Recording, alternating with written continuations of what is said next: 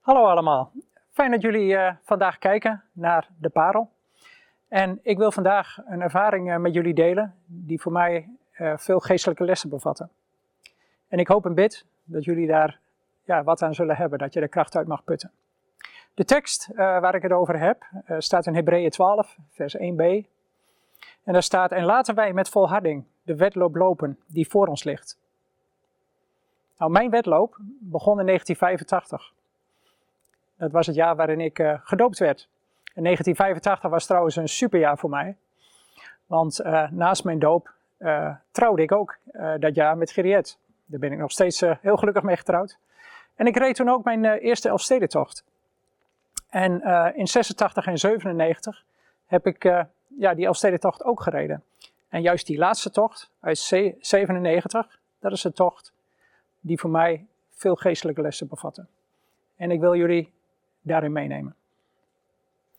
Ik heb hier een uh, kaart en uh, ja, ik besef me 4 januari 97, toen werd die gereden. Als jullie dit zien, is het 4 januari 2021. Zijn we dus 24 jaar verder. En de start. Ik stond s ochtends om 6 uur in een kooi in de Frieslandhal te wachten tot de deur open ging. En de deur ging open. En er was een hoop gejoel en ja, ik liep tussen een haag van mensen door richting de Zwetterhaven, deed daar mijn schaatsen aan en ging het donker in, het ijs op. En het was fantastisch. Wind mee, ging als een speer, vanuit Leeuwarden naar Sneek, naar Elst, Sloten, tot helemaal Stavoren.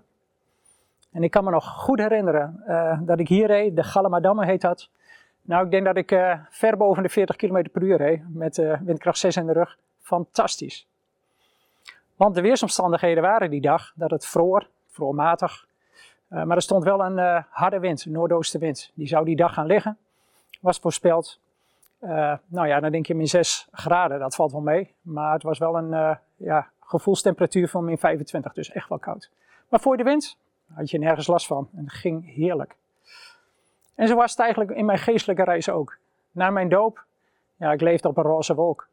Ik ervoer zoveel van God, elke dag, elke week. Ja, weer nieuwe dingen. Ik verslond de Bijbel, het was een prachtige tijd. En toen kwam ik in Stavoren, hier onderin. En uh, ja, in Stavoren maakt de route in één keer de knik.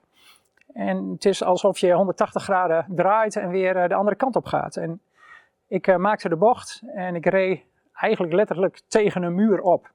In één keer vol in de wind. En ik stond letterlijk stil. En toen dacht ik bij mezelf van, oké, en hier moet ik dan 100 kilometer tegenin? Hoe ga ik dat doen?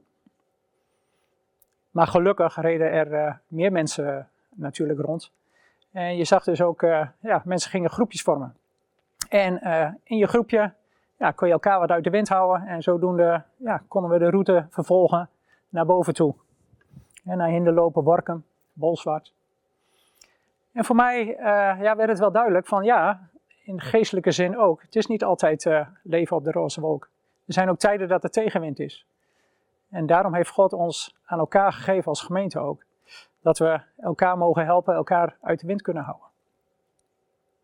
Fijn om mee te maken. En zo kwam ik in Hallingen.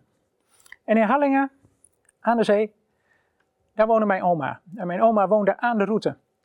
En mijn ouders waren daar in huis. En uh, ja, het was een mooi moment om even af te stappen. En om even weer op te warmen. Want man, man, wat was het koud. Ik had uh, zo'n ijspegel aan mijn bivakmuts hangen. Dus het was echt wel even tijd om uh, lekker warm te worden. Dus ik naar binnen, wat eten. Maar ik dacht wel van, ik moet hier niet te lang blijven, want anders ja, wordt de verleiding te groot om er maar helemaal mee te kappen. Dus ik ben uh, vrij vlot weer opgestapt en richting Franeker gegaan. In, in, dat jaar reden ook uh, twee broers van mij uh, de tocht. We zaten in verschillende stadgroepen, dus daarom reden we niet met elkaar. Maar zij zijn ook tot Hallingen gekomen, daar afgestapt, maar niet meer opgestapt. En ik moet zeggen, in deze tijd om mij heen zie ik ook veel broers en zussen. Uh, ja, die zoveel teleurstellingen hebben meegemaakt, zoveel tegenwind hebben gehad. Dat ze eigenlijk zeggen van nou, ik, voor mij hoeft het even niet meer. En die zeggen dan, dat hoor je vaak, ik kies voor mezelf. Laat ik dat maar doen. Maar ze lopen het risico om niet meer op te stappen. En dat is iets waar ik me echt wel zorgen over maak. Dus doe dat niet. Stap weer op. Enfin, ik ging verder. En vanuit Hallingen naar Franeker. Uh, ging vrij makkelijk nog. Maar naar Franeker komt echt het zwaarste stuk van de hele tocht. Van Franeker naar Dokkum. Een stuk van 45 kilometer door een leeg, open, ja, kil, vlak land. Geen mensen om je aan te moedigen, want ja, daar woont bijna niemand daar in de Noordoosthoek. Ik reed in een groep uh, met mensen en uh, ja, op enig moment ja, viel de groep helemaal stil. En het bleek dus dat mensen, ja, uh, die wouden voor elkaar niet op kop rijden. Er stond echt ruzie. En toen sprongen twee mensen, ja, twee mannen, reden uit de groep weg. En ik dacht van, nou, dan ga ik maar gelijk mee, heen, mee, mee rijden met die mensen. En een eindje verder vroeg de voorste aan zijn makker van, zijn we ze kwijt? Ja, zei die tweede, toch niet allemaal, want ik heb er nog één achter me hangen. Nou, zei ik, ik doe ook wel mee. En zo zijn we kop over kop een heel stuk gereden, tot eigenlijk vlak voor Bethlehem. En toen heb ik ze wel moeten laten gaan, want ja, toen moest ik even bijkomen. Wat het voor mij wel uh, leerpunt was, was van ja, het is fijn in tegenwind dat je broers en zussen je helpen. Maar je moet zelf, moet je ook je geven. Dus consumeer niet alleen, geef ook, ook als je zelf tegenwind ervaart. Anders kom je er echt niet. Een ding wat ik wel goed had gedaan uh, tijdens die tocht, is uh, dat ik continu eten en drinken nam. Ik had in 85 had ik hem ook gereden, maar toen heb ik echt de man met de hamer te, ben ik tegengekomen. En dat had alles te maken met dat ik ja, niet genoeg en tijdig genoeg at en dronk. Wij als christenen, wij moeten ook regelmatig ons voedsel nemen. Ons geestelijk voedsel. Bijbel lezen, stille tijd. Elke dag weer. Dat is nodig om de wedloop goed te doen. Maar goed, ja, dat gezegd hebbende, ik was er nog niet. Ik zat in Bethlehem. En Bethlehem dat ligt hier uh, op die driesprong. En ik wist van, oeh, van Bethlehem moet naar Dokkum. En dan moet ik echt pal tegen die noordoostenwind in. En ik dacht, jongen, jongen, ik zat zo kapot. Ik denk van, hoe ga ik dit voor elkaar boksen? Ik heb toen echt aan God ook gevraagd, Heer, hoe moet ik dit doen? En ik moest toen denken aan uh, ja, onze vervolgde broers en zussen in uh, Noord-Korea en Irak. Maar ik had me namelijk laten sponsoren uh, door onze kerk. Dat ik kreeg per kilometer kreeg ik een bedrag. Dus ja, voor mij alles aangelegen om het wel vol te houden. En ik dacht dan ook bij mezelf van, joh, onze medebroers en zussen die hebben zoveel te lijden. Wat zeur ik over een zere rug, dus gewoon volhouden. Maar goed, ik zag toch wat somber in. Tot op een gegeven moment in één keer een groep, nou ik denk wel 30, 40 man, mij in één keer inhaalde.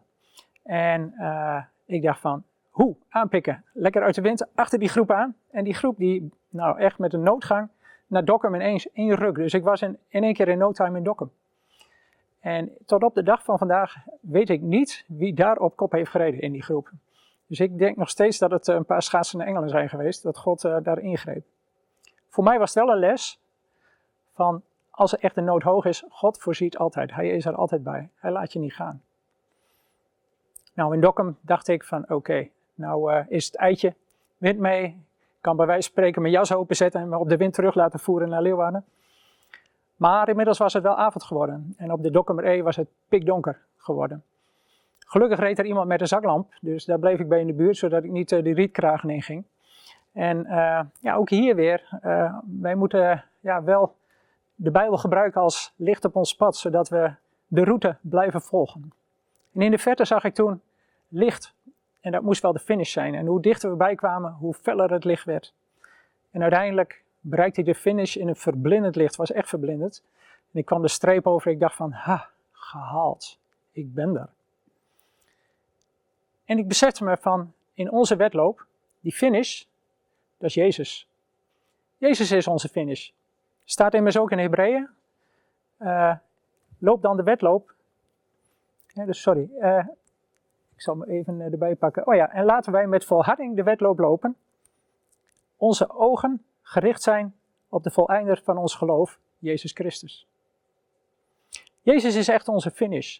En wat ik heel mooi beeld vond, is dat in 1986 Willem-Alexander werd binnengehaald door zijn moeder, koningin Beatrix. Nou, zo zullen wij binnengehaald worden door onze koning Jezus. Vraag is natuurlijk, die ik aan jullie wil stellen. In welke fase van de route zitten jullie? Zit je nu in een periode dat je de wind mee hebt? Ik zou zeggen, geniet ervan. Maar vergeet niet te eten en te drinken. Heb je tegenwind? Dan is de vraag, heb je broers en zussen die je misschien uit de wind kunnen houden? Of zie jij misschien mensen die het moeilijk hebben, die tegenwind ervaren? Zeg en help mee. In ieder geval waar het op neerkomt is dat we de wedloop moeten lopen en dat het een strijd is. Jezus heeft de wedloop ook gelopen die wij te lopen hebben. Hij is eigenlijk de eerste die de finish gehaald heeft.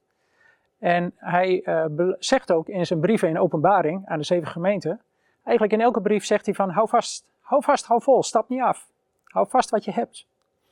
En in die zeven brieven is er ook belofte voor overwinnaars. In elke brief vind je daar beloftes. En ja, ik kreeg mijn beloning. Dit heb ik als beloning gekregen voor het uh, volhouden van de Elfstedentocht en hem uit te rijden op tijd. Maar ons loon, wat wij van Jezus zullen krijgen, zal zoveel mooier zijn. Daar wil ik jullie mee bemoedigen. Veel zegen vandaag.